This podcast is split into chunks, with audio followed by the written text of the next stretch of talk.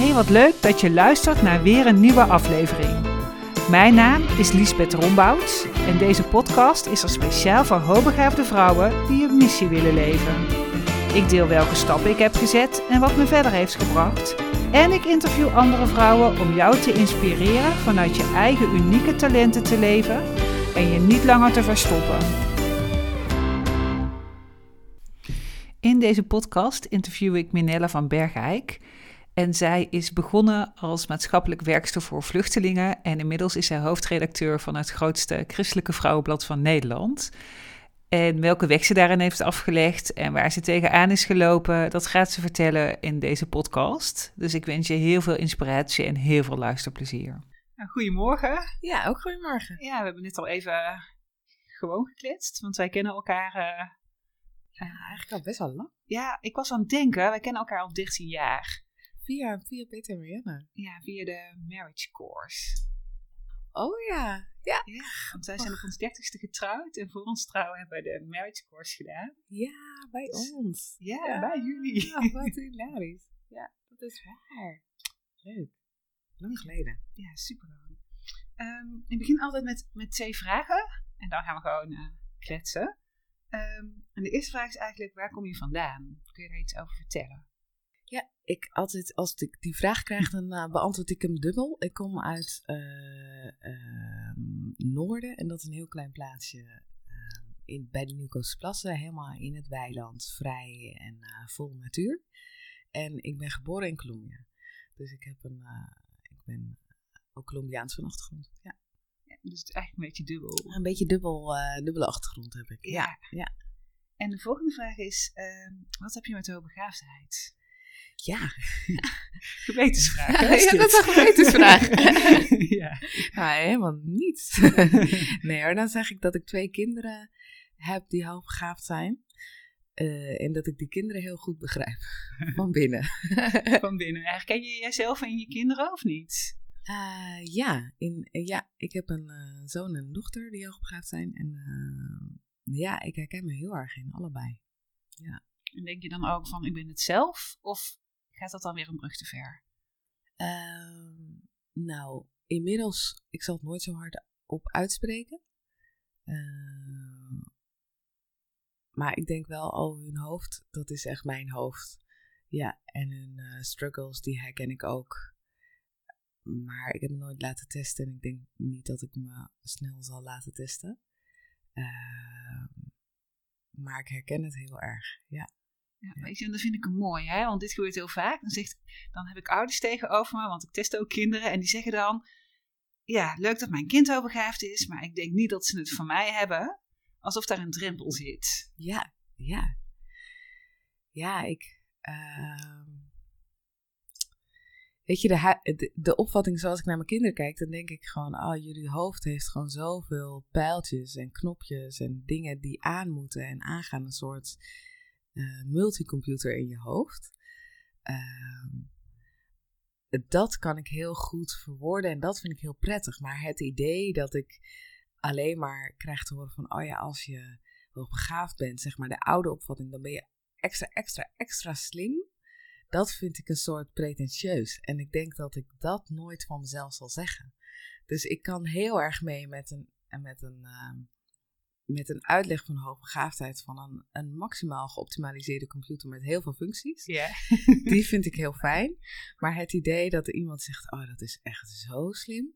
Ja, dan voel ik me zo anders dat ik dan denk, nee, dat ben ik niet. Nou, en het zit ook een beetje in, die, in, die, in dat woord, hè? Hoogbegaafd is alsof je nou beter of, of ja. hoger bent dan een ander. Dus eigenlijk moet daar een andere titel uh, ja, het is echt, voor verzinnen. Ik kan dan veel beter met meer begaafd dan hoogbegaafd. Ja. Ja. Maar, en, en sowieso, ja, ik weet het niet. Ja, ja grappig. Maar het, eh, het benoemen van het woord, dat is niet een neutraal woord. Nee, dat is denk ik een ding, of in ieder geval een van de dingen. Ja. Ja. En waarom ik je eigenlijk heel graag wil interviewen is omdat heel veel uh, mensen die mij volgen en ook die coach, die, die struggelen heel erg in hun loopbaan. Dus die hebben vaak hoogbegaafde kinderen of herkennen zich in ieder geval in de kenmerken. Een heleboel mensen zeggen net zoals jij niet dat ze hoogbegaafd zijn, maar vinden het wel heel herkenbaar. En um, die struggelen. Dus of ze zitten echt al een hele tijd in dezelfde baan en ze weten niet hoe ze daar weg moeten komen. Ze hebben geen idee meer wat ze leuk vinden. Um, sommigen zitten gewoon inmiddels thuis, omdat ze helemaal zijn afgehaakt op alles.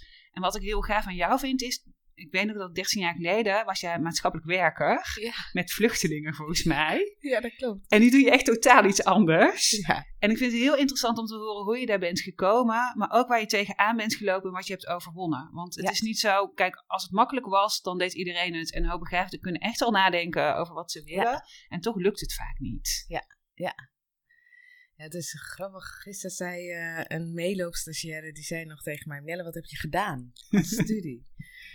Toen zei ik... eh, maatschappelijk werk en seksuologie. En zelfs voor die laatste heb ik ook geen diploma gehaald. Want mijn onderzoek vond de juf niet leuk. Wat, nou ja, dan, wordt iedereen nieuwsgierig. Wat voor onderzoek deed- wilde je gaan doen? Oh, ik had me echt in twintig boeken ingelezen en alles gedaan en alles opgezocht. Toen zei ze, je hebt de vraag niet beantwoord. Dit is niet de vraag. En ik dacht, ja, maar ik heb veel meer dan de vragen aangeleverd. Dit is echt heel goed. Toen had ik hem nog gegeven aan mijn medekandidaat. Die, en die had een soort, nou bij mij openbaar gespiekt. Was prima. En die, had, die kwam met een acht uit. En tot op de dag van vandaag denk ik altijd nog, waarom heb ik een vijf gekregen? Ik, ik had helemaal geen... Ik, Ik snapte hem niet. ik snap het nog steeds niet. Toen kreeg ik mijn diploma niet. Was ik zo beledigd. Dat was echt mijn eerste keer dat ik mijn belediging liet merken. En toen heb ik dat ook gezegd. Nou, toen kon ik voor mijn her, was ook... eh, ja, die was, Dat was ook al meteen eigenlijk die een was ook klaar. En toen had ik echt... Nou ja, ik weet niet. Ik vond ik echt heel erg, weet ik nog. Ja. Ja, dat snap ik. Maar wat was de onderzoeksvraag? Want daar ben ik nu ook wel benieuwd naar. Ah, de onderzoeksvraag. Het was eigenlijk, het ging gewoon over dat je een, je kreeg een casus en je moest daarmee aan de slag. Ik, ik deed op twee sporen, het is een heel ander onderwerp, maar ik deed, ik deed seksologie in Nederland en in Antwerpen. Dus ik had van twee kanten informatie. Eh, en de stijl hoe ze het in België aanpakken is anders dan de stijl hoe ze het in Nederland aanpakken.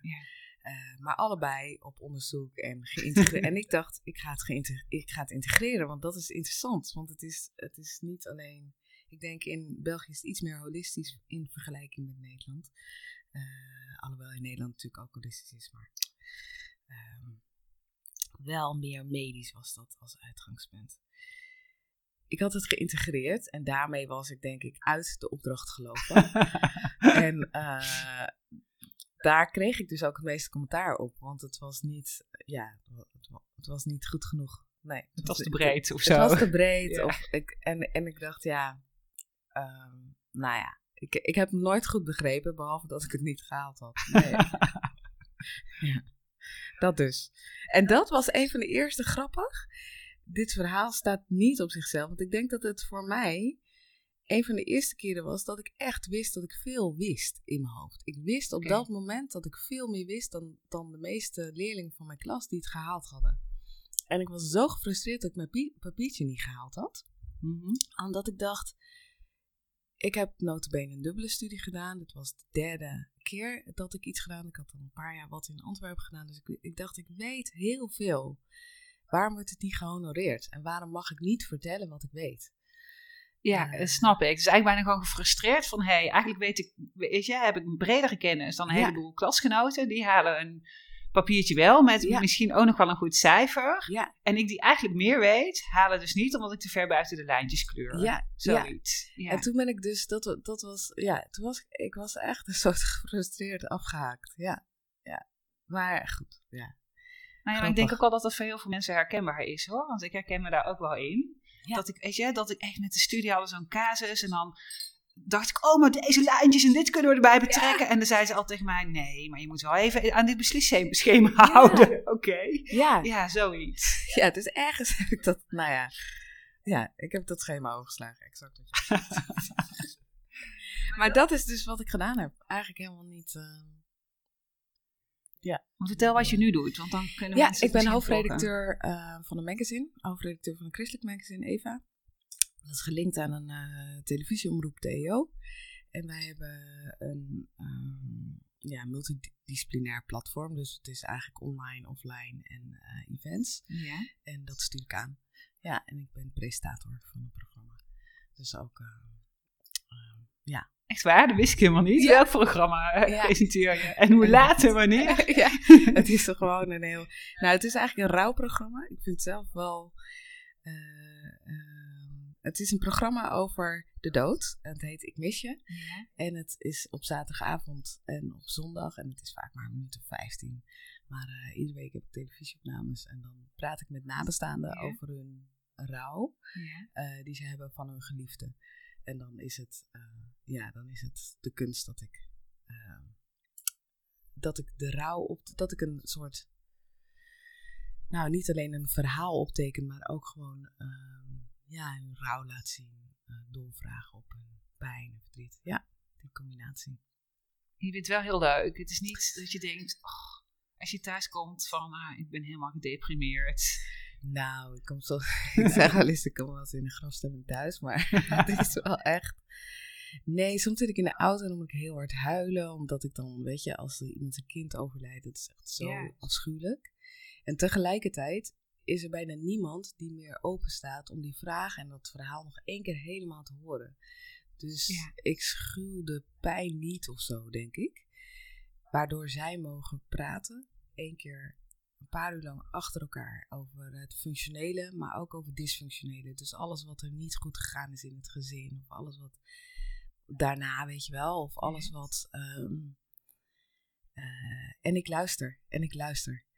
En, ik, ehm, en voor het programma, er zit natuurlijk een, een programma-onderdeel Ja. in, maar daaromheen hebben we nog heel veel die we moeten maken. En dan kunnen ze gewoon, ze praten dan gewoon door. Eigenlijk, soort, weet je, eigenlijk komt daar je maatschappelijk werkachtergrond Ja, weer terug. ik. Een Ja. soort therapie, zeg Ja. maar. Toch een soort van therapiesessie van een paar uur. Ja. Om nog een keer je verhaal te kunnen om doen. één keer dat te mogen doen. En ze zien het ook vaak als een volgende stap.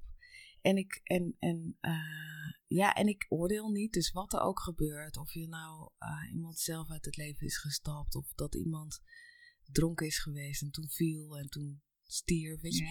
Ik, ik ben gewoon alleen maar bij het verlies. Oh ja. Ja, en, en, en, en, en het verdriet en eh, hoop dat mensen dat willen geven. En, dat is, ja, mijn maatschappelijk werk komt daar eigenlijk in terug. Ja, super mooi. Dus eigenlijk is toch iets wat je Ja, ooit hebt gedaan, komt Ja. nu weer terug in je Ja. nieuwe functie. Dus Ja. dat is wel gaaf. Maar goed, als ik zei, je bent ooit begonnen als maatschappelijk werker bij vluchtelingen. Ja, Klopt hè? Vluchtelingen. ge- Ja, ja. Ja, en ik weet nog dat, er, dat het strenger werd, het beleid, en dat er steeds minder mensen kwamen. Zoiets, dat, dat heb ik nog meegekregen. En toen, vertel, wat gebeurde er toen? Ja, ik ben. eh, ehm, ehm, ik, ik, eh, eh, ik ben denk ik daar idealistisch gestart. Nou, wat ik zo leuk vond aan vluchtelingenwerk was dat er heel veel mensen waren die gewoon. ehm, eh, allemaal oud-advocaten. eh, Gewoon, weet je, gewoon alle ja, mooie mensen van Utrecht die daar gewoon met hun grote papiertjes eigenlijk daar weer aan het werk gingen. Dus ik bewonderde die mensen heel erg, omdat zij heel veel gedaan hadden op de maatschappelijke ladder. Ja. En vervolgens hun tijd weer daarin gingen zetten. Soort collega, jouw collega's begon, Ja, mijn bewonderde collega's jij. die daar Ja. waren. Ehm, dat is wat ik daarvan heb meegenomen, dat je ver kan komen en vervolgens ook nog jezelf in kan zetten op je idealistische ladder die jij zou willen. En deed ze dat dan naast elkaar? Of deden ze dat dan, weet je, dan was, was Soms het eh, de carrière voorbij en dan Ja, ze dat dan Beide. Beide, ja, oké. Ja, beide. Ja. Maar wel maximaal intellect en vervolgens inzetten op, op een plek waar je het goed kan wegzetten. Ja. Ik denk dat dat me altijd heeft aangetrokken. Maar ik had gewoon maatschappelijk werk, mijn stage stopte en ik ben verder gegaan naar eh, de gedwongen hulpverlening in, eh, voor vrouwen, in vrouwenopvang. En ehm, ik kwam daar al heel snel in een soort leidinggevende rol terecht, omdat het ehm, dat hele. eh, nou, het was een leidinggevende rol, maar het was officieel geen leidinggevende rol. Maar iedereen viel een soort. eh waar allemaal ziektes en eh, ik moest het soort opzetten opnieuw. En ik dacht, oh, er is een nieuwe doelgroep die er eigenlijk nog bijna niet ge- ge- genomen wordt in de opvangen. Ja. En die vond ik leuk. En dat was de doelgroep die van hoogopgeleide jonge meiden die Ja. te maken kregen met eerwraak en die te maken kregen met het feit dat zij eh, ehm, eruit wilden uit hun eh, positie, maar dat dat struggelde in het gezin van herkomst. Ja. Dan is dat zeggen schrijven ongeveer ehm, 18 jaar geleden. Dus Ja. dat, is, dat is echt wel een poosje geleden. Eh, daar heb ik zo van genoten. Ja. En dat was klaar, toen ging het weg. En toen zat er eigenlijk na een paar jaar een hele andere doelgroep. Oké. En, ehm, en opnieuw kwam daar aan het einde wette iemand. En ik weet nog dat ik op een dag erachter kwam dat iemand aangenomen was. En ik had denk ik een aantal jaar indirect, direct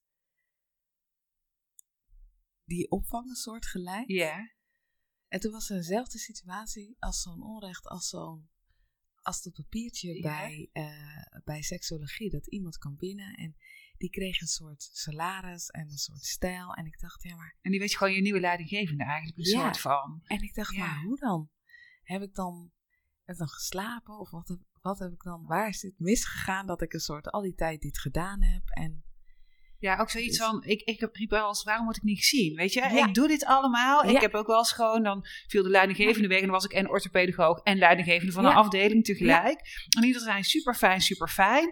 En ineens kreeg ik weer een leidinggevende boven me en dan moest ik wel meteen terug mijn hok in. ja, ja, Dat ik echt En- dacht, wat is dit? Maar dat heb je dus eigenlijk daar ook. had ik daar ook.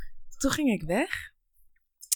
Want ik kreeg kinderen en ik wilde nog heel graag werken, maar ik wilde ook moeder zijn. Dus toen ging ik, eh, ik woon in Houten en ik ging in Houten werken. Met alle kennis van toen was ik denk heel rebels. Ik zou het nooit meer zo aanpakken. Echt, ehm, dat, is, dat, dat werkte niet, want ik was denk te snel dat ik dacht, oh, eh, volgens mij moet het zo en zus en zus en zo. Wat ging je dan aan houten doen? Ehm, ik ging opnieuw in de vrouwenopvang, maar Oké. dat was wel... eh, zij gingen starten met die doelgroep. Ja. En ik was al een poos bezig met Ja. die doelgroep. Dus ik dacht, ja, als we dit doen en dit doen en dat doen... Ik, ik, dat, dat was ook... En ik had officieel ook die positie niet. Dus dat Ja, je ging te snel en, je, en buiten, eigenlijk buiten je functieomschrijving. ja, Ja. dus toen ging ik weer naar huis. dacht ik, nou, ik zal het wel fout hebben en klaar.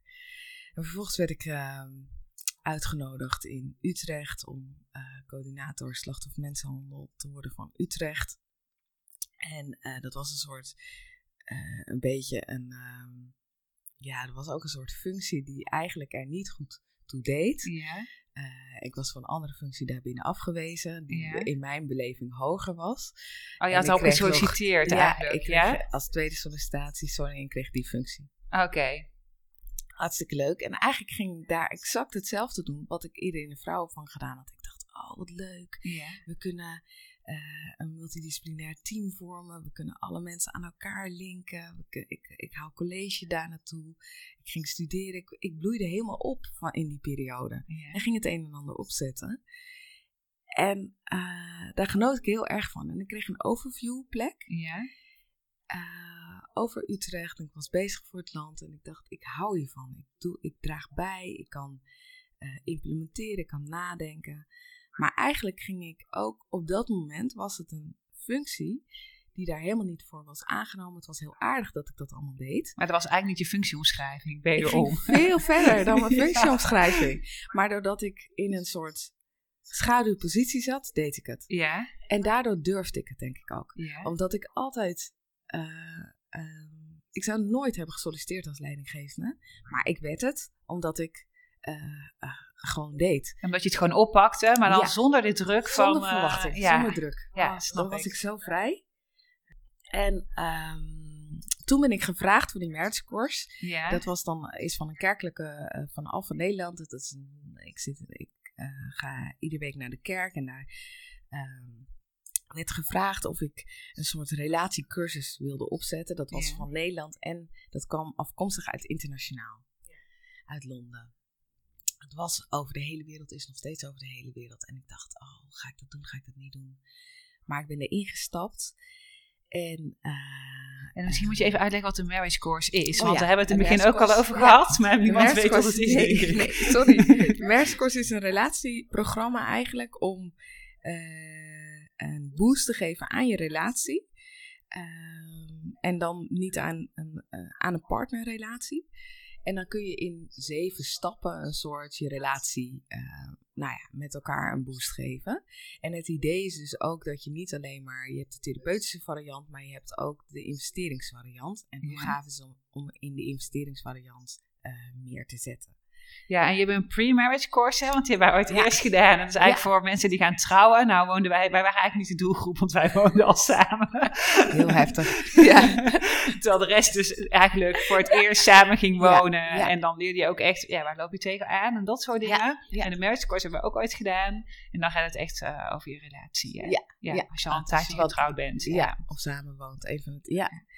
ja, dat vond ik heel leuk, omdat ik daarmee inging op eh, de schoonheid in plaats van alleen maar op de moeilijkheid, wat ik in de hulpverlening veel langer had gedaan. Ja. Eh, en ik denk dat daar zijn, daar had ik opnieuw een functie die er eigenlijk weinig toe deed. Ik weet dat ik in een hokje zat met allemaal dozen die eruit gesleept moesten worden en bla bla bla. En ik kreeg allemaal ideeën en ik ging theater opzetten. En, maar alles was een soort. ehm, en ik weet ook echt dat de mensen, mijn collega's, die dachten echt, doe rustig aan. Dit is echt niet nodig. En je haalt zoveel salaris krijg je niet. Ja, en zoveel salaris. Ja, ik denk ook echt het salaris van toen. Ja, ik Ja, weet nog dat wij samen, ja. wij hebben even een tijdje samen paard gereden en toen fietsen we naar paardrijden. En ik werkte in het onderwijs, dus het salaris was dramatisch, maar als jou was dat ook. Mijn was echt gewoon verdrietig. Nou ja. ik, dacht ook, ik dacht ook altijd, oh, het is, ik hou dit vol omdat ik internationaal mag reizen. Oh ja. En eh, eh, mijn wereld ging open, mijn hoofd ging open en ik ging reizen en ik ging aan de slag. En ik probeerde het altijd te combineren met mijn gezin. Dus ik, eh, ik ben daar aan de slag gegaan. Ik heb dat zeven jaar gedaan. En ja, ik, op een of andere manier ging ik leiding geven aan processen. Ging ik Mhm. dingen opzetten. Was ik een soort projectmanager. Ging ik, ehm, was ik bezig met Nederland te trainen. Was ik bezig met internationaal te trainen. Was ik, het werd van eh klein beetje naar steeds meer en meer en meer. Ehm, zonder dat ik de functie had en zonder dat dat gevraagd werd. En zonder dat ik de druk voelde dat ik dat moest doen. Dus dat was denk ik voor mij echt een, groot, eh, een grote winst. En dat hoor ik al een paar keer, hè. Weet je, Ja. in dat er druk op komt, dan lukt het niet. Nee, Dan nee. je een soort van, nou ja, dat hoor ik wel vaker, dan slaan mensen echt dicht. Ja, Terwijl als het dan zonder druk kan, ja, dan ga je, dan Ja. vlieg je eigenlijk. Dan vlieg ik. Ja, En ik was gaan vliegen en ergens ja, heb ik dat in stilte gedaan en was dat ja, was heel grappig. En in die wereld zag ik op een gegeven moment na zeven jaar, eh, ja, dan heb je een soort netwerkorganisaties waarmee je samenwerkt. En een van die organisaties was de EO en daar hadden ze eh, die vrouwencommunity dus. ja. Mm, En daarin ehm, zag ik dat de hoofdredacteur wegging. Oh, en toen dacht ik, oh grappig, dat gaat echt... eh, eh, want al die functies die hebben een soort systeempje. En ik dacht, oh, er was al een keer iemand anders weggegaan. En ik dacht, nu gaat het hele systeem weer draaien. Ik ben heel benieuwd wie er op die functie gaat zitten. Dus dat, dat was een soort mijn einde van mijn... eh, nou ja, verder niet. En toen kreeg ik een mailtje in die week met de vraag van... joh, vind jij het niet leuk om te solliciteren? En toen dacht ik, huh? Ik solliciteer op die functie? Nee, echt, dat, dat is echt totaal niet een functie die bij mij past. En dan krijg je nou ook die druk weer. Of is dat, was Ja. dat het niet? Was het Nou iets ja, anders? Ik dacht, ik, ik kan het helemaal niet. Ik kom niet uit de journalistiek. Ik, Ja. Het is een hele grote functie. Het is, het is, het is heel veel. eh, leiding geven. Ja, ik, ik heb eigenlijk nog nooit leiding gegeven. Ehm, ik had al lang heel vaak leiding gegeven. Maar nooit officieel. nooit officieel. Dus ik dacht, oh, maak me gek. Dus ik dacht, nou ja, ik heel hard lachen en weer verder gaan. Ja. Toen kreeg ik hem nog een keer. Maar je, bent, je hebt toen ook ontslag genomen in die tijd, toch? Ja, ja, maar dit speelde nog daarvoor. Oh, Dit speelde nog daarvoor. Oké. Ja, en toen heb ik drie keer eh, ehm, van mensen getipt gekregen. Ja, En toen dacht ik, ja, derde keer, oké. Ik ga, soort van teken. Ja, Ja. ik ga het doen. En ondertussen is het goed om te vertellen oh, eh, dat ik inmiddels kookworkshops was gaan opzetten, omdat ik me verveelde in mijn oude baan. Dus ik was grote kookworkshops op gaan zetten met, eh, voor een grote groep mensen, want ik hield van koken en ik dacht, ik ga dat opzetten. Ah ja, en had een tijd boek. over. Ja, en ik was een boek gaan schrijven en ik had een soort tijd over.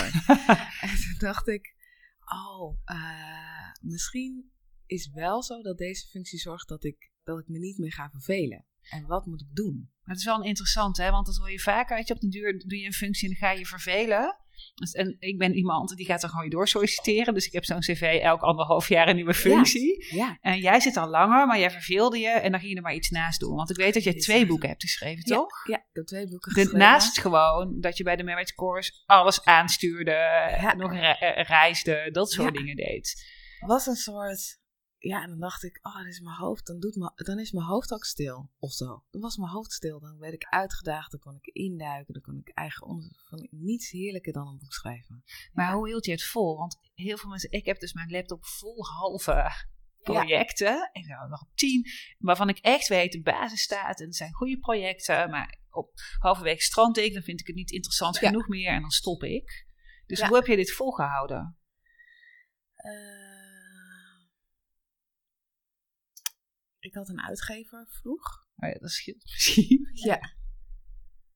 Eh, ehm, en ik heb stiekem hoge discipline mezelf ergens aangeleerd. Oké. Dus ik kan niet hoog discipline. Dus ik heb thuis heel veel boeken die ik niet uitlees. Ja, Echt allemaal half uitgelezen boeken. ja. Ehm, maar iemand gaf mij dus de stok achter de deur, dus ik moest. Ik moest, ik moest, ik moest. En dan, eh, ehm, en dan ben ik denk ik ook wel. Ja, ik weet het niet wat er dan. Ik heb, ik heb, ik heb ook veel half afgemaakte projecten, maar als ik dan iets opzet, dan maakte ik, ja, dan maakte ik dit af. Ja, ik weet het ook niet. Ik, nu denk ik, hoe dan? Ja, want je had Ja. nog, weet je, je had, toen waren je kinderen een stuk kleiner. Dus je had Ja. drie ja, kinderen die echt wel echt aandacht nodig hadden. ja. En je had gewoon, je werkte drie dagen volgens mij voor de, voor de marriage course. Ja. En je schreef daarnaast een boek. Ja. En later deed je daarnaast ook nog even voor de lol kookworkshops. En ik weet dat je ook nog een kok had geregeld of zo. Dat is Ja, dan best wel ik heb allemaal groot. koks geregeld. Ja, Ja. het was echt wel groot. Ja, Ja. we hadden drie koks. En eh, ja, dan deed ik een soort relatieprogramma doorheen. Het was ook echt, het was heel leuk. ik vond het echt heel leuk. En het werkte. En toen kwam ik dus, toen werd ik gevraagd door die EO. Ja. En om, om daarvoor op events dingen te doen. En dat was echt leuk. We hebben een soort tour gedaan. Ja. Ja, weet je, ik, ik heb toen ehm, geen, uiteindelijk in juni, als ik terugkom op het gesprek van wat ik gedaan had eh, met die sollicitaties. Ik heb gesolliciteerd uiteindelijk. Ik dacht, give it a try. Ehm, ik zou worden uitgenodigd en toen gingen ze het intern oplossen. Toen dacht Oh, ik, oké, oké. nou, weet je, dan was het meant to be, eh, is oké. Ja. Maar inmiddels had ik wel geproefd aan mijn vrijheid en ik dacht, eh, ik had in die, in die tussentijd, was ik nog eh, seksologie aan doen. Oké. En toen dacht ik, of ik was gestart met seksologie in september en ik dacht, ik geef mijn baan op. Ja. Ik, ik ga stoppen. Ja, ik ga, het is klaar. Ik ga volgend jaar ermee stoppen in mei. En dan heb ik tijd om te zoeken. Dan heb ik ook tijd om een nieuwe baan te vinden. Dan heb ik ook tijd om. ehm, eh, ik wilde graag voor mensen aan de slag die te maken hadden met seksuele problemen in hun relaties. En die een beetje in een niche zaten. Ik dacht, ik wil graag niet bij laagopgeleiden, maar bij hoogopgeleiden. Want die, nou, bla. En ehm, ja, toen heb ik mijn baan opgezegd. Was een hele spannende fase. Ik wou zeggen, want weet je, door echt, ik heb zo vaak gedacht, ik zeg ik mijn baan op. Nou, ik ben nog iemand die dat ook nog af en toe wel gedurfd heeft. Ja, Maar- jij hebt dat gedaan. Een paar keer. Ja, een paar keer. Ja, Maar ik ben daar ook wel een beetje een uitzondering op. Want ergens gaat er ook wel iets door mijn hoofd van hoe betaal... Weet je, zonder kinderen vond ik het nog makkelijker. Maar met kinderen dacht ik altijd, oh, hoe betaal ik de hypotheek? Ja. Hoe betaal ik iets simpels als de zwemlessen? Die ook gewoon Ja. klauwen van geld kosten. En die mijn kinderen wel gewoon moeten kunnen krijgen. Dus dat schiet er ook al door me heen. Dus het is niet zo dat ik echt denk, oh, weet je, ergens zit er iets heel krachtigs in mij. Ik ben het beu, het moet nu stoppen. Ik zeg mijn Ja. baan op. En dat betekent dat ik er ergens zo hard tegen aangebod ben... dat Ja. ik niet anders meer kan, zeg maar. Ja. Maar het is ook wel dat, dat me dat slapeloze nachten geeft eigenlijk. Ehm, want Maar- ik voel dat het moet, Ja. maar rationeel wil ik eigenlijk niet. nee, dat wil je. Ja, Dat. het is. Nou, het is ik, ik weet niet wat het is geweest. Het is denk ik hetzelfde weer. Uiteindelijk dat de druk dat ik in een huisje zat en niet meer verder kon in Ja. de oude baan. Dat voelde als zo'n afkalving van mezelf. Dat ik dacht, de druk dan op een gegeven moment, wat vindt er dan plaats? Want het lijkt, ik ben dan niet alleen maar ambitieus, maar ik lig dan ook s'nachts heel veel wakker. Ja, ook. Ja, herken van ik. het feit dat ik denk, ja, maar ik kan in, de, in mijn huidige baan niet langer meer mezelf zijn. Want ik zit nu gevangen. Ja. Ik, er is een soort, ik, ik, ik, ik ga dan. Ik, ik, in het begin start ik met zo'n baan en dan ziet niemand me. Dan zit ik letterlijk tussen de doosjes. Ja. En dan telkens wordt het groter en groter. En op een gegeven moment, uh, in de eerste fase, is eerst iedereen argwanend. Voel ik me heel alleen. Ja. En dan de fase daarna dat het opvalt, dan is het leuk, dan is het bewondering. En daarna is altijd de fase dat niemand het meer leuk vindt. Dus dan krijg ik heel veel afwijzing. En ik kan niet tegen afwijzing. Ik doe het zo zeer altijd. Maar waarom vind, denk je dat, dat niemand het meer... Want ik herken dit, hè? En ik ben altijd aan het zoeken en denk ik ben leuk. Ik hoef jouw leidinggevende functie niet. Wat is je probleem, denk ik dan? Ik doe extra werk voor je. Misschien moet je heel blij zijn, maar dat zijn ze dan niet meer. Heb je, nee. Ben je er ooit achter gekomen wat dat maakt dat nou, dat, dat, gebeurt. Ja, ik, ik denk dan. Is dat, ik, eerst dacht ik alleen maar bij mezelf.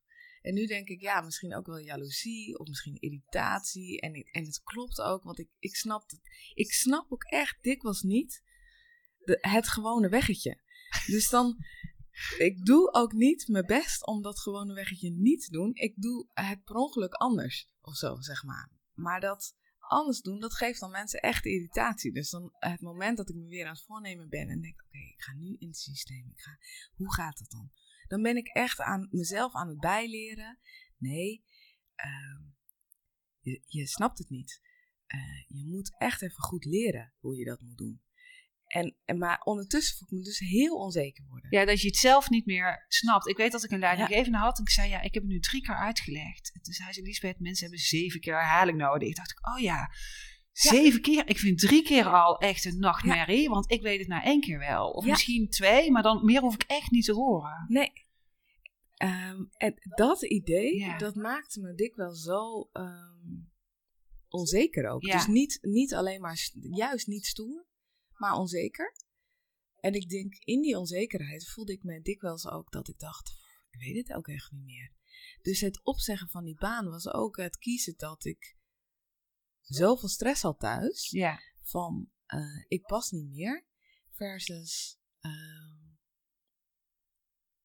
ja, ja, versus de vrijheid en dan maar opnieuw beginnen. Ja, dus en dan maar die onzekerheid, dan maar dan in ieder geval de vrijheid voelen. Ja, ja. ja ik, kan, ik kan niet. En ik kreeg inderdaad een nieuwe leidinggevende die, wat een hele leuk persoon was.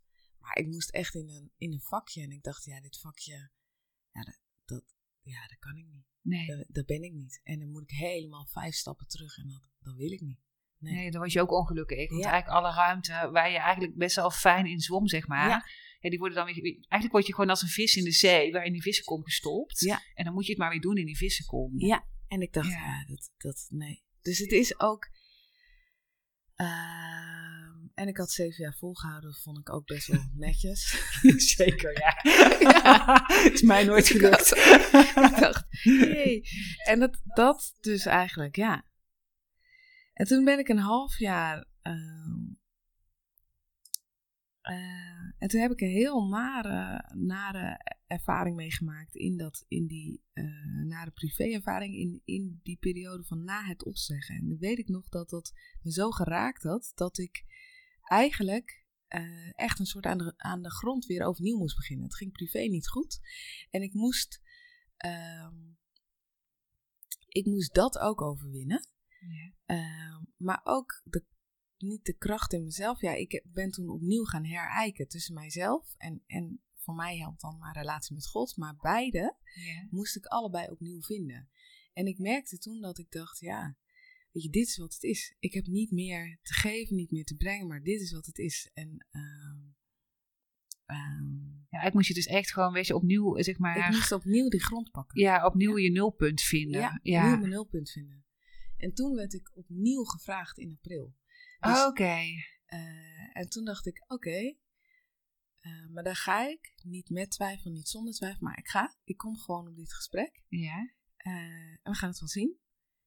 Maar ik mag ook zeggen dat ik het leuk vind. Dus voor mijzelf had ik in het vinden van dat nulpunt ook gedacht: Jeetje, ik had eigenlijk wel een leuke baan gevonden. Ik snap er niks van, maar ik denk dat ik het een leuke baan vind. Dus toen ben ik teruggegaan ja. en opnieuw uh, of dat die gespreksronde ingegaan. En toen dacht ik, ik word hier heel blij van. En ik heb die baan gekregen. En ik weet nog wel de eerste paar weken dat ik dacht, jee, mijn hoofd mag aan alle kanten aan. Ik zat in de media en niks is daar te gek, want concepten, ja. En die mogen gewoon out of the box, graag zelfs bijna. Hoe, gra hoe grager dan, dan, dan lief. Ja, weet je. Ik, en ik dacht, ik zag allemaal mensen die het ook deden. En ik, nou, dat, dat is wel echt een thuiskomst geworden voor mijn hoofd. Ja, dat snap ik. Ja. En, maar nu ben je dus, weet je, want je komt eigenlijk als maatschappelijk werker en Ja. eigenlijk uit die achtergrond. Ja. En voor Alfa deed je natuurlijk ook wel, schreef je daar stukken voor of interviews? Deed je dat daar of niet? Eh, nou, ik deed events eh, bij Alfa en ik schreef weinig. Ik vind mezelf ook echt geen schrijver. dus ik als eindredacteur. Geweldig. ik vind mezelf een lezer.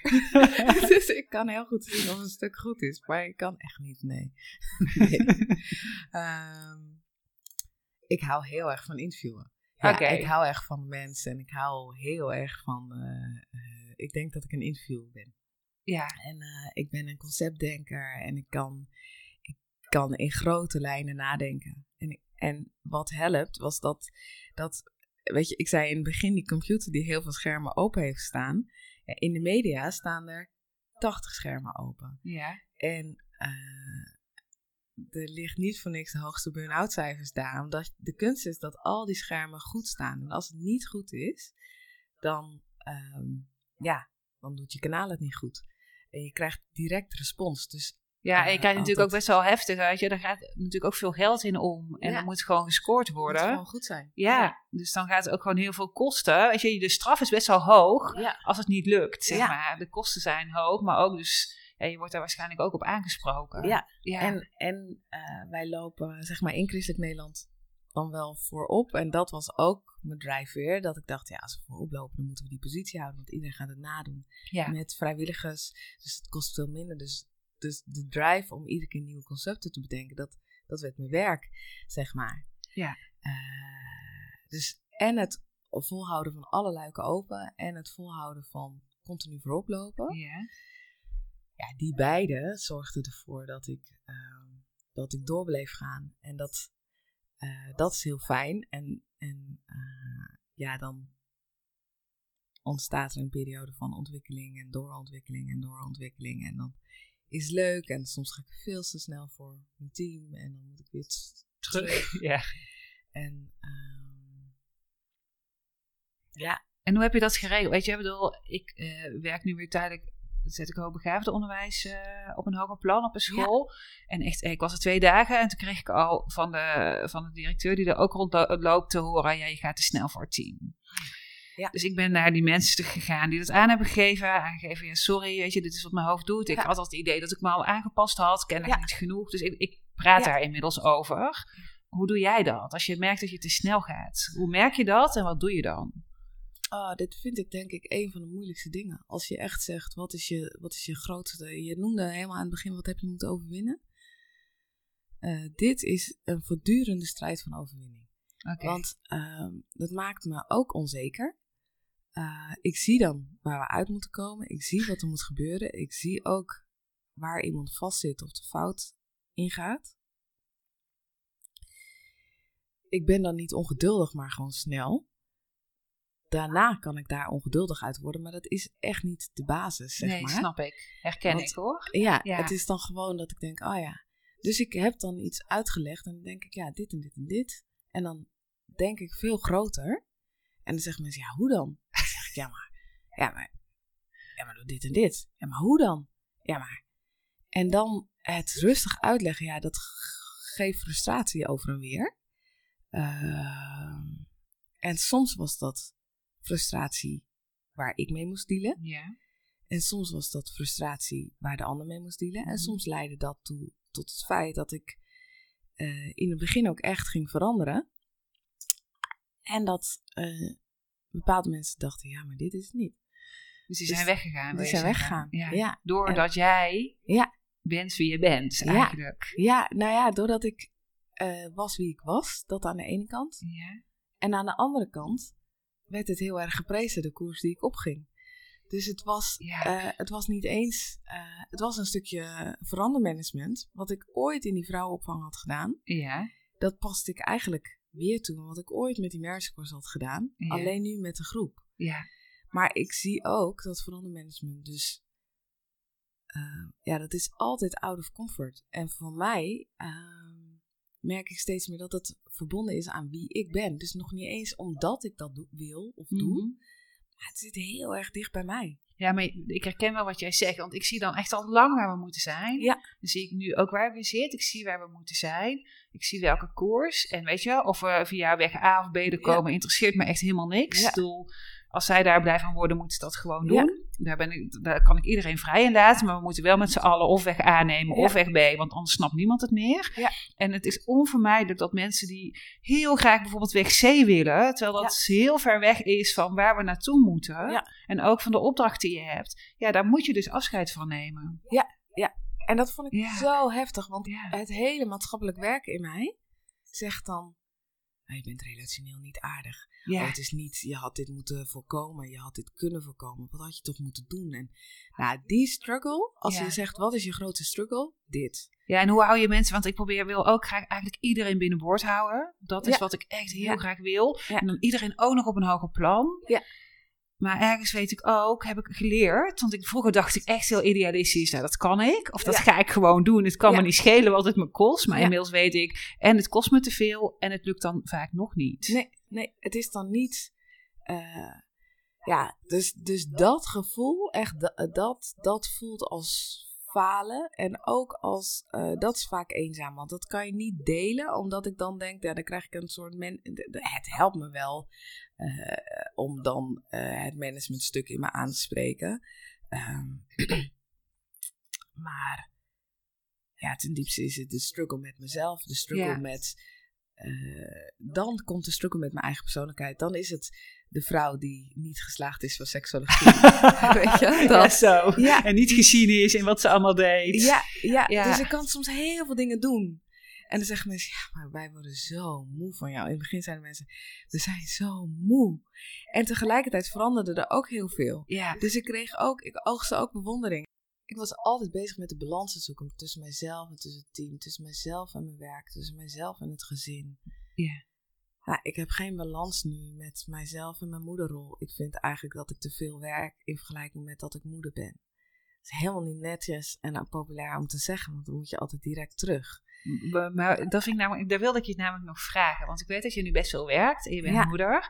En daar vinden wij iets van in de maatschappij. Ja. daar vindt een groot deel iets van in de maatschappij. En nu zie je ook al langzaam rolmodellen opstaan die zeggen: ja, maar ik heb gewoon een nanny en het zal. Ja. Maar ja, echt eigenlijk. En ik merk ook gevoelsmatig thuis. Ergens wil ik, weet je, als mijn kind zegt: je bent altijd aan het werk en ik mis mijn moeder, Ja. dan doet dat heel veel pijn. Ja. En dan denk ik, oh ja, moet ik dan toch minder gaan werken? Moet ik dan toch maar dit opgeven voor mijn kinderen? Dus ik Ja. snap de struggle. Maar hoe ga jij daar dan mee om?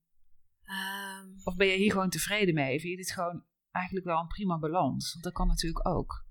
Nee, ik ben niet. Ik, ik heb op een gegeven moment ging het slecht met mijn zoon op school. En eh, toen kwam ik weer bij jou. Ja. En dat was een hele, hele moeilijke periode. Eh, en toen heb ik heel vaak gedacht: ik stop met werken. Want als ik er voor hem ben, dan kan hij tenminste zijn ei kwijt als hij thuis komt. Snap ik. En ehm, nu ben ik er niet altijd. Als ik nog wel twee middagen, zeg maar, Ja. is ook niet meer. Ehm, maar toen dacht ik wel, oké, ik stop met werken. Ehm, dat is beter. En toen weet ik dat ik op een gegeven moment met hem in het traject zat van, ja, maar hij moet eigenlijk zijn plek krijgen om zichzelf te kunnen zijn en te bloeien. Ja. En toen dacht ik, ja, maar dus de grap is dat als ik nu naar huis ga en zelf stop met bloeien, dan doe ik eigenlijk het tegenovergestelde van wat ik zeg wat hij moet gaan doen. Eh, en- Ja, en je geeft ook het voorbeeld dus niet meer. Want dan ga je jezelf eigenlijk inkaderen om Ja. er te zijn voor je, voor je zoon in dit geval. ja, Ja. en ik dacht, oh ja, als ik thuis ga zitten, dan ga ik, weet ik veel, dan ga ik iets organiseren voor alle schoolmoeders waar ik vervolgens weer heel druk mee ben. Of dan ga ik, dan ga ik, ik weet het niet. Dat, dat ging ik ook doen. Dan ging ik thuis Spaanse les geven op de school van mijn dochter of zo. Oh, dat ja. ze dan gewoon, weet je, ja, omdat je toch iets te doen moest hebben, zoiets. echt helemaal geen native speaker, maar ik dacht, ach, ik kan toch meer dan die kinderen. maar snap je? Dat, Ja. Ik dacht, dan ga ik mezelf weer bezighouden. Alleen zonder geld en zonder functie. En, en ik vind het zo leuk nu. En daar is iets essentieels in mij. eh, veranderd. Want toen dacht ik, het mag en en. Ik hoef dus niet eh, te stoppen met werken. Ik, het betekent dat als ik struggle voor zijn eh, persoon te laten uitkomen, Ja. dat kan naast mijn baan. En Ja. ik ben niet de enige oplossing van zijn struggle. Ja. Eh, dus mijn man is bijvoorbeeld, eh, die is veel horizontaler gaan werken en in de avond ook gaan werken, maar die is horizontaler gaan werken. ja. En hij is sowieso veel geduldiger dan ik. Dus dus het klopt ook veel meer in de rol. Ehm, wat heel erg geholpen heeft, dat kan natuurlijk echt niet altijd, dat realiseer ik me ook, maar dat het was niet de oplossing van mijn man, maar het was de oplossing van, ik ben niet de enige die dit probleem moet oplossen. Ik ben niet de enige oplossing van, eh, van mijn zoon. Ik ben een oplossing. En wat Ja. moet ik zijn? Eh, nou, heel bewust hou ik, hou ik alle vakanties vrij. Dus zij hebben vakantie, ik heb vakantie. Heel bewust hou ik, ja, ik weet niet, ik heb een aantal dingen die ik heel kernachtig, heel erg vrij hou. Je hebt gewoon een soort Eh. van regels voor jezelf opgesteld, bijna. Zo, Ja. klinkt het. Vandaar Ja. ga ik me in ieder geval dan wel aan houden. Ja, daar ga ik me Ja. in de ochtend. Ik start altijd pas om 9 uur. Dus ik ben er in de ochtend, dat deed ik voorheen niet. Ik ben er in de ochtend bij het ontbijt. Dus ze zien me sowieso op de dag. Ik probeer met het avondeten thuis te zijn. Maar er zijn een paar struggles, in, of eh, niet struggles, maar een paar punten die ik gezet heb als eikpunten. En ik reis best wel veel en ik merkte aan hen. eh, toen vroeg ik, ja, eh, dan ging ik reizen en dan vergat ik soms eh, dat ik weer ging reizen. Oh ja, was je even vergeten thuis te melden. Dus ik weet dat ik op een gegeven moment anderhalve dag naar het klooster ging en dat ik terugkwam en dat ik tegen mijn dochter zei, waar ben je geweest, zei ze. Toen zei ik in Wit-Rusland. Jeetje, wat heb je snel gevlogen? Toen dacht ik echt, oh nee, wacht, dat is echt... Je, je- nee. En dat was meer typerend dat ik dacht, oh ja, ik moet, eh, dat moet ik blijven communiceren. En dat klinkt een beetje stom als ik het zo vertel, maar eh, zij vonden het niet erg. Ik Nee. heb dat met hen gevraagd en zij waren gewoon, ze dachten, als ik er maar ben aan de voor- en aan de achterkant. En als ik maar niet afschuwelijk ben als ik terugkom van reizen. ja, Dus de stijl van terugkomen van het reizen is voor mij veel wezenlijker belangrijk dan dat ik reis. Ja, Want als ik reis ben ik vaak heel moe en uitgeput en zit die, zit die wereld nog in mijn hoofd. ja, Ehm, maar mijn grootste drukpunt ligt op de manier van terugkomen met reizen. ja. Want als je relaxed als moeder terugkomt en blij bent, Ja, ehm, ja, dat doet veel meer voor je gezin dan als je en op reis bent en je komt boos en chagrijnig Ja, terug ja. en oververmoeid of overprikkeld. Ja. Want ja, dan wordt het, wordt het ook voor de kinderen een nare ervaring. Ja. ja.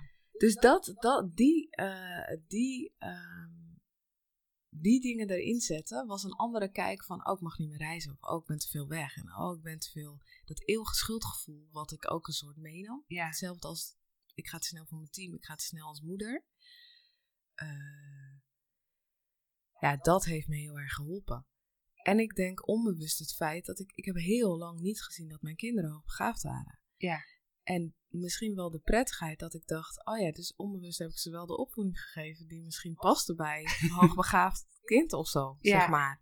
En ehm, ehm, ja, maar ik pas niet meer in het plaatje. Ik heb een, op een dag moeten loslaten dat ik niet meer in het plaatje pas. Als gemiddelde moeder bedoel je? Als gemiddelde moeder, als gemiddelde werknemster en ook als ik eh, op verjaardagen zit, dan.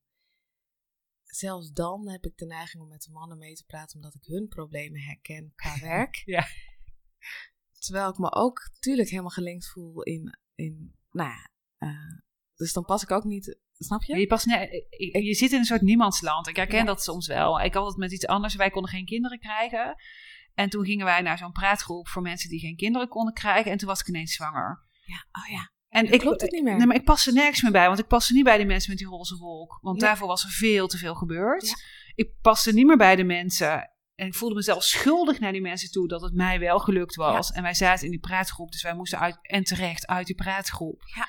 Maar dan ben je eenzaam. Ja, En ik herken het ook al een beetje op feestjes. Maar vooral als ik dan met moeders zit. Die gewoon gemiddeld... Ja, gemiddeld bestaat niet, hè. Maar dan al die oordelen. Weet je, ik durf mijn mond vaak al niet meer open te Nee. doen. Want ja, mijn kinderen slapen laat.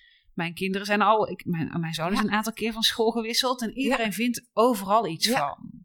ja, ik snap het. ja, nou ja, dat, dat gevoel. Dus mijn oude, oude vriendinnen van uh, eh, 20 jaar geleden, dat zijn mijn matties voor het leven. die gewoon van me houden zoals ik ben en niet. ehm,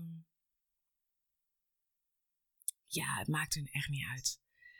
Of ik. eh, ze kijken niet tegen me op voor mijn functie. Ze Ja. kijken niet op me neer omdat ik minder moeder ben. Ze, ze, ze kennen gewoon mij. Ze weten dat ik hou van heel erg lachen en eindeloos lezen. En eh, daar mag ik al die gaten van mijn eigen hoofd zijn. Ja. Dat helpt mij heel erg. Dus Ja. ik denk dat ik eh, het thuiskomen bij mezelf en eh, bij verschillende personen helpt mij. En, bij, en voor mij ook bij God.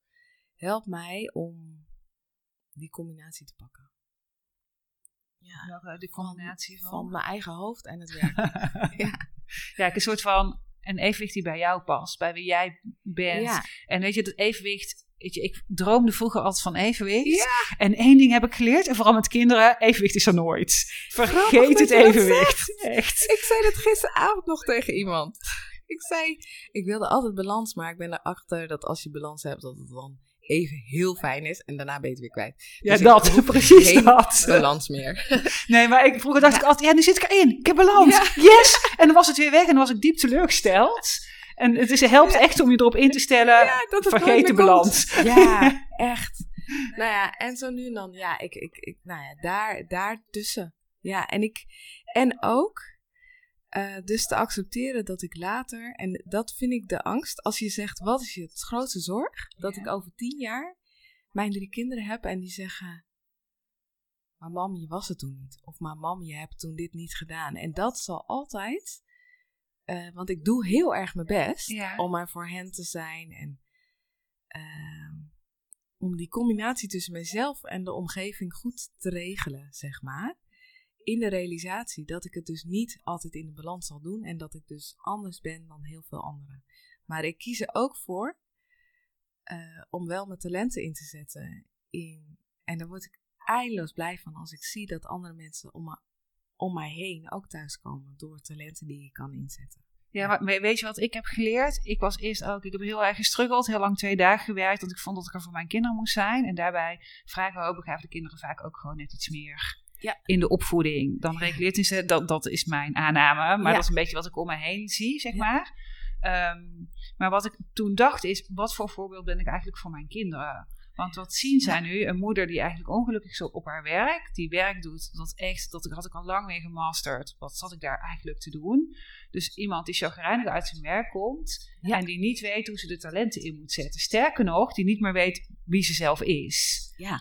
En toen dacht ik, alleen al als voorbeeld voor mijn kinderen, ga ik nu gewoon zoeken en vinden wat ik leuk vind. Ja, ja. Dat. En dat heeft ook bij mij heel lang geduurd. Maar er is wel, nou, ik vind dat voorbeeld ook belangrijk. En ja, daardoor mis ik andere dingen. Dus af en toe mis ik een kijkochtend op school. Of eh, ja, loop ik trots zo in en denk, oh shit, ik had dit ook nog moeten regelen. Bijvoorbeeld eh, speelgoedmiddag. Nou ja, verzin het maar. Scholen die Ja. verzinnen van alles. En ik hou het soms gewoon echt, echt Nee. niet meer bij. Nee. Of dan ben ik dus niet die hulpmoeder bij het voetbal. Wat ik vroeger dan wel zou zijn geweest. Ja. Maar goed, de andere kant is dat ik wel het voorbeeld geef van... er is veel meer mogelijk dan in je baan blijven hangen. En Dat. het geld verdienen. Ja. Ja. Ja. En dat, nou ja, die vrijheid ergens en, en dat plezier. ja. En toen stopte de werkster, hé. Toen dacht ik, dit kan niet. Dus ik wil graag dat een het Ja, dat doet echt niet. Dus wij vervuilen langzaam. dat is de enige balans die ik niet fijn vind. dus heel hard op zoek naar een werkster. ja. Ja. ik snap het wel. Ik zou ook niet zonder werkster kunnen. Nee. Nee. Dus dat is echt niet te doen. Ik vind het niet erg om zelf schoon te maken, maar het is echt niet meer te doen. Hmm. Ja, dus dit eigenlijk. En nog iets, kun je, weet je, met je relatie, kun je daar dan wel samen, kom je daar wel samen goed uit? Of is dat dan ook een struggle soms? Ehm, ik denk dat wij de Merskors gingen doen omdat we re- ons realiseerden dat we zo anders waren. Maar ik dacht, eh, dat is nu, als je nu terugkijkt, hè. Maar ik dacht dat we zo anders waren omdat ik ook een soort temperamentvol ben vanuit mijn Colombiaanse achtergrond. En eh leven de vrijheid, omdat ik in zo'n vrije natuur was opgegroeid en Ja. een beetje een tomboy was. Ehm, maar eh, ik realiseerde me ook steeds meer dat mijn hoofd ook echt anders was. En toen het bij de kinderen helderder werd, toen was ook, ik denk mijn man op een of andere manier altijd mij gestimuleerd heeft in dat ik mocht dromen en doen. Maar hij Ja. werd ook wel eens heel moe. En ik denk dat hij, ehm, hij meer dan wat dan ook ziet, eh, wat het is voor een, en dan ga ik het toch maar even één keer noemen, wat het is voor een, eh, voor een hoogbegaafde om te vliegen en zo onzeker te zijn. Ja, Dus dat ziet hij. ja. Hij ziet de voorkant en hij ziet de achterkant. Dus die eindeloze gesprekken met mezelf die ik s'avonds heb, omdat ik het team niet pak, Ja. omdat ik mezelf niet pak, omdat ik de organisatie. Dat is echt sneu. Dat vind ik echt sneu. En voor, dat- voor wie? Voor jezelf of Voor voor hem? hem. Ja. en die zei ook, nee, ga je nu dit doen? Moet ik wel elke avond naar je luisteren? Dat, dus ik herken Ja, het helemaal. Ja. En dan, en dan nog steeds mijn liefde vinden en die hoge eisen. En ik weet exact hoe we moeten doen om onze relatie beter te maken. En, maar dat, en ook ehm, dat hij dan zegt, we hebben net rust. We hebben rust. En jij gaat alweer wat anders. Waarom? Ja, waarom? Ja. En dat is, en dat, en, en ik doe het niet eens, weet je, dat is de grap. Ik ben een te bang persoon die zelf andere dingen zoekt. Ja. Dus het wordt altijd maar aangeboden. Maar in die aanbieding ga ik dan dus zelf kiezen. Dus dan wordt het me Ja. aangeboden en dan denk ik, hmm, dat vind ik best wel leuk. Dus ik zal nooit op pad gaan. Je zou nooit jezelf ergens aanbieden. Van, Nee. laat, weet je, laat mij dit doen, want het lijkt me Nee. gaaf of Nee, zoiets. nooit. Nee. Dus alles is een beetje, ik ben bij toeval overal een beetje ingerold. Ja. Maar je hebt er wel ja op gezegd, hè? Maar ik heb er wel ja op Ja. gezegd. En die tweede, eh, eh, dat was op een gegeven moment dat mijn, man, dat mijn man zei: Hou nou eens op, hou nou eens op. Je doet net alsof je overal een soort geluk hebt gehad dat je overal in bent gerold. Maar oké, je bent dan gevraagd, maar jij hebt ja gezegd. Ja, En, eh, en dat ja zeggen, dat proeft hij natuurlijk ook thuis. Dus soms is dat prettig, maar het kost hem ook wat. Want ik, hij is uiteindelijk anders gaan werken nu. En nu ben ik degene die uiteindelijk het allermeest werkt. En hij heeft nog steeds een heel leuk baan. ja. Maar ik ben degene die, eh, die een lead is voor de baan. En Ja, ik ben jij zo de man eigenlijk in een gemiddeld huishouden in Nederland. Dat is bij ons ook nog zo. Mijn man werkt meer dan ik. Ja. En ik pas me aan. Ja, En daar hebben wij wel eens, weet je, gedoe over. Want ik vind het niet meer terecht. Vroeger vond ik Ja. dat prima. Ja. Of ook niet altijd even prima, maar ik vind het steeds minder prima. Maar bij jullie zijn de rollen bij nu eigenlijk een soort van omgedraaid. nou voor het eerst werken we, eh, werk ik full en hij werkt eh, 36 of 32. Ja. Ja, is net iets, eh, ja, ik weet niet eens, dat is ook, ik weet ik weet niet eens exact het aantal uren, maar is wel iets, iets teruggegaan. minder, ja. ja. Ja, maar uiteindelijk staat hij dus bij het schaplijn. Dus ja, we hebben een beetje de rol omgedraaid. En, ja. Maar da- daar hebben jullie wel je balans in gevonden. Of blijft dat ook gewoon een struggle? Dat is eerlijk, dat blijft een struggle, Ja. want hij is echt niet, eh, het is geen domme man. Het is een hele slimme man en hij weet heel goed wat hij ook wil. En hij heeft ook echt hele mooie leiderschapskwaliteiten. Ja. En dromen misschien, wat hij zou willen. Eh, ja, en er wordt ook geregeld gevraagd, maar voor nu is het even goed. Ja. Ehm, maar ja, ik denk ook wel eens, jeetje, wat werken we veel met elkaar. Ja. Dus het is, het is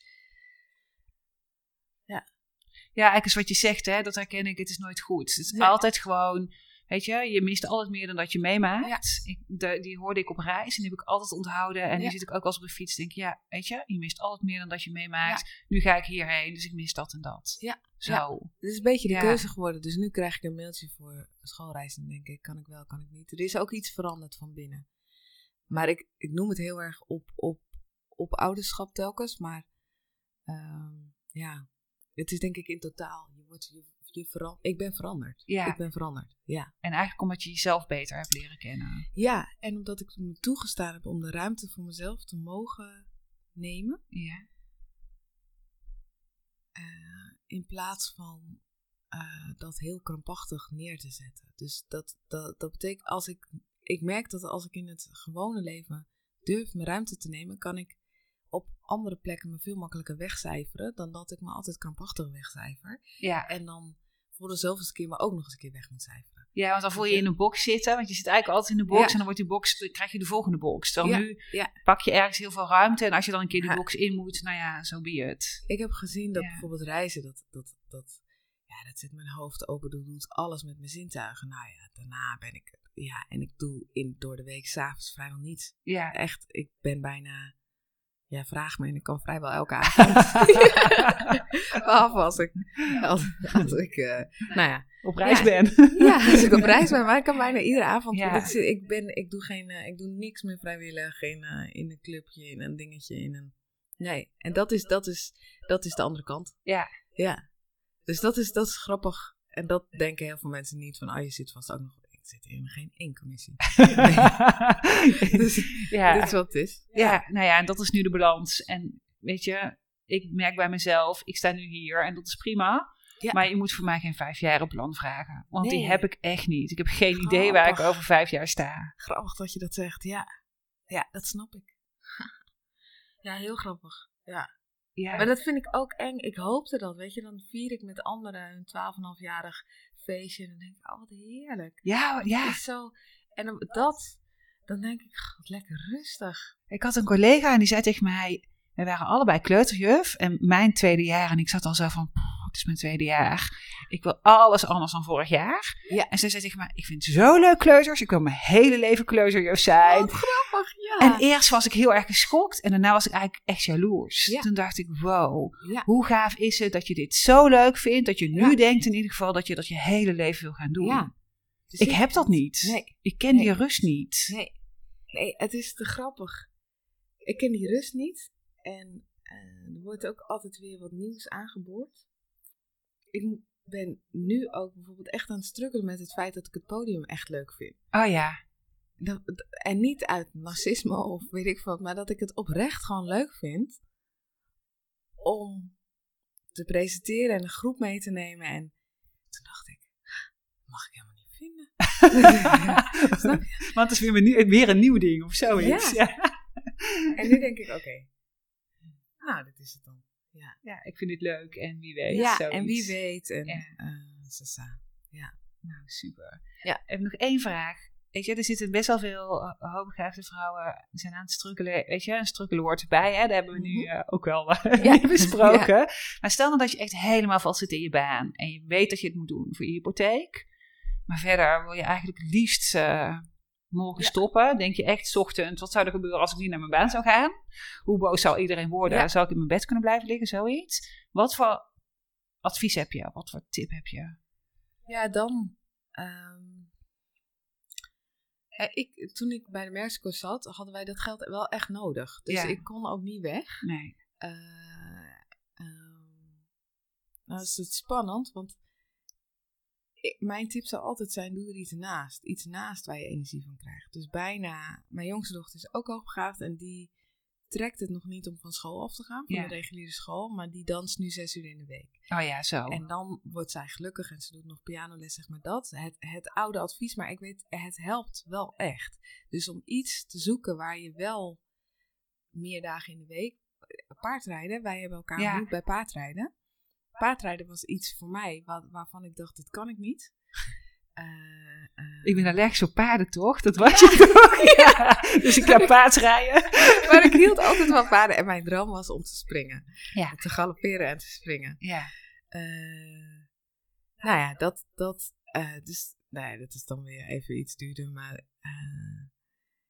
Ja, maar hetzelfde als, weet je, wat ik wel merk is, als je er iets naast, naast doet, dan opent dat ook weer deuren. ja, Dus jij hebt bijvoorbeeld een boek daarnaast geschreven, ja, maar dat opent weer andere deuren, waardoor Ja. je andere kansen krijgt. En alleen maar vast blijven zitten. Ik merkte toen ik voor mezelf ging werken, wat ik nu de laatste anderhalf jaar geleerd heb, is echt goud. En ik vond niet alles leuk en ik heb diepe dalen gezien, maar ik ben wel heel erg gegroeid. Omdat ik er dus iets anders ging doen in dit geval. Ja. Voor mij werkte dat ernaast doen, dan verzand ik toch vaak in voor de kinderen zorgen. Ja. Dus ik moest gewoon een soort van knip maken. Ja. Maar bij anderen zie ik het ook. Hè. Ik ken ook iemand die doet er nu één dag naast, die begeleidt hoogbegaafde kinderen bijvoorbeeld één dag daarnaast. En nu wordt ze weer voor iets nieuws gevraagd. Dus dan kan ze misschien echt stoppen met haar baan in het onderwijs. ja, Maar dat gebeurt alleen maar als je beweegt. Ja. Ja, ik denk, blijf altijd in beweging. Ja. Want niet bewegen, dat klopt niet bij je hoofd of bij je zijn. En daar ga je uiteindelijk nog verder van jezelf van afstaan. Ja. Dus het is eh een beweging. Weet je, ik heb. Ehm, ik heb zoveel boeken gelezen. Als er in de politiek iets verandert, Ja. eh, dan een aantal jaar geleden bijvoorbeeld al, dan, dan, voel ik, dan ga ik dan allerlei boeken lezen. Om te weten wat iemands gedachtegoed is. Oh En om te kijken of mijn onderbuik klopt. Ja. En dan eh, eh, doe ik dat bijvoorbeeld. Ehm, ik, ben, ik, ik heb mezelf gedwongen om altijd. Nee, ik heb niet mezelf gedwongen. Ik heb een soort vorm gevonden dat als ik maar blijf bewegen en mezelf niet opleg dat ik het boek uit moet lezen of dat ik een presentatie hoef te geven of dat ik eh, weet ik van wat, maar dat ik mag blijven bewegen. Ja. Dat is voor mij de cadeau om me oké te voelen. En Ja. ik heb mezelf ook toegestaan dat dat niet zit in de burgerlijke stand, status of wat. Out of the box. Ja, ja. Het is gewoon, het is het niet. Want anders zit het me in mijn huwelijk. En zit het in mijn man. En dan zit het gewoon. Ik heb een hele toffe man. Hij is heel liefdevol. Ik denk dat hij meer begrip voor mij heeft dan ik soms voor hem. Ja. Maar hij gaat het me niet geven. En mijn kinderen ook niet. En je kunt het alleen maar zelf doen. Dat is eigenlijk wat Ja. je zegt. Ja. Ja. en je kunt het overal. Ik weet nog dat ik heel lang heb gezocht van zie mij nou in mijn werk, zie nou wat ik Ja. doe. En het gebeurt gewoon niet. Of ja, je kunt een keer geluk hebben, maar dat geluk ben ik niet tegengekomen. En dan is de enige optie is, je, ja, dan ben je zelf. Ja, ja. ja. Dus het is. eh, en durven te falen met vriendinnen. Dus ik kan echt ook soms eindeloos huilen. In mijn eentje. Bij- bij vriendinnen? Of de, bij vriendinnen echt. En bij vriendinnen mijn furie van zo'n team neerleggen. Ah, ja. En dan denk ik, dan mag ik even. Ja. Ja. Even de furie van machteloosheid, bijvoorbeeld. ja, maar die- dat is wel tof. Je hebt dus een vriendengroep ge- gevonden of een vriendinnengroep waarbij je dat kan. Ja. Dus die heb je wel om je heen gebouwd, zeg maar. Ja. Maar wel van vroeger uit. Oké. Dus, dus de. ehm, ja, en- want nu, nu heb ik bijna geen tijd meer om nieuwe vrienden op te maken. wel. ja, maar goed, jij hebt vriendinnen, dus dat is ook wel prima. Weet je, je, je staat niet alleen. Ik sta niet alleen. Nee. Nee. En ik, ik heb vriendinnen die zelf ook hun eigen struggles in hun leven hebben. Dus dan heb ik dit. Ja. En zij hebben iets anders. Ja. En dat is samen heel prettig of zo. Ja. Ja, dat snap ik. Ja, maar wel, ik heb moeten leren om kwetsbaar te zijn. Ja, en dat hoeft niet op, ik hoef niet op te lossen. Nee, je hoeft geen, ik, geen superhero te zijn. Nee. Je mag ook... eh, Maar, want het stopt, en dat is nog misschien nog wel één ding. Wanneer ga ik om in negatieve zin als ik eindeloos naar mezelf blijf staren? Dat is mijn grootste, dus navelstaren. Ja. In de, dus continu mezelf analyseren. ja. Dat vind ik de killer. Dus het helpt om te weten dat mijn hoofd, het helpt om het hoofd van mijn zoon te kennen als hoogbegaafd. Dan helpt het om te denken, nou, misschien lijk ik daar een beetje op. Eh, Dan lees ik een boek voor hem. Eh, maar stiekem eigenlijk voor jezelf. en dan ga ik niet de hele tijd denken, oh, zal dit een hoogbegaafde trek zijn? Of zal dat een hoogbegaafde... Nee, dan denk ik, dat ben ik gestopt. Want dat kilt me. Ja. Dus dan denk ik, eh, ik, ik hoef niet naar mezelf met een verrekijker ook nog te kijken. Ik ben, ik ben misschien een van de 2% van de bevolking. Eh, ik, eh, eh, dat aanvaarden ja. en gewoon mijn leven delen alsof dat er mag zijn. Nou ja, alsof dat... dan- Als, dat is er gewoon. ja, ja, precies. Ik denk dat het echt nog sterker is. Ik merk dat ik steeds meer zeg, ja, sorry, dit, of sorry, nee, dit ben ik. Ja. Ik zeg er niet eens meer sorry voor. En spreek me erop aan. Maar dit is hoe ik werk. Dus dit is eigenlijk mijn kookboek, mijn gebruiksaanwijzing, mijn recept. En dan kunnen we volgens mij prima samen. Dan zo. kunnen we aan de slag. Ja, En dus ook accepteren dat als mensen mij zien en soms heel krachtig zien en dan met me gaan praten, dat ze denken, hè, maar waar, die twijfels horen er ook bij. Ja. En dan denk ik, voel ik me daarna altijd echt een zwakkeling. Terwijl ik denk, ja, maar die combinatie, dat ben ik eigenlijk. Ik ben niet de, ik ben niet de ultra sterke. Dat ben ik niet. De- ik denk vermoedelijk dat ik het nooit zal worden, maar die combinatie, dat is, dat is mijn eerlijkheid. ja, ja, en dat is je kracht gewoon Ja. van beide kanten. Ja. Ja, Ja, dat zorgt er ook voor dat ik niet narcistisch word. gelukkig. Hoop ik. nou, dan wil ik je bedanken Ja, voor dit eigenlijk hele gave gesprek. Ik heb er echt heel veel van geleerd, dus echt super. dank ook. Wat grappig, want in één keer, ik doe dat echt nooit, Lisbeth, dankjewel. Wat doe je nooit? ja, over dit van mezelf praten. Geinig. Ja, grappig. Dank je. Nou, jij ja, bedankt.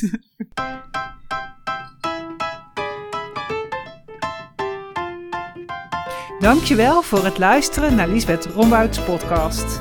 Ik ben benieuwd wat je ervan vindt en ik vind het geweldig als je een review achterlaat. Mocht je geïnspireerd zijn door mijn missie, zou je mij dan willen liken of volgen. Dat kan door deze podcast te liken of mij te volgen op sociale media. Hierdoor word ik beter gevonden en kan ik nog meer vrouwen inspireren. Ik ben je super dankbaar.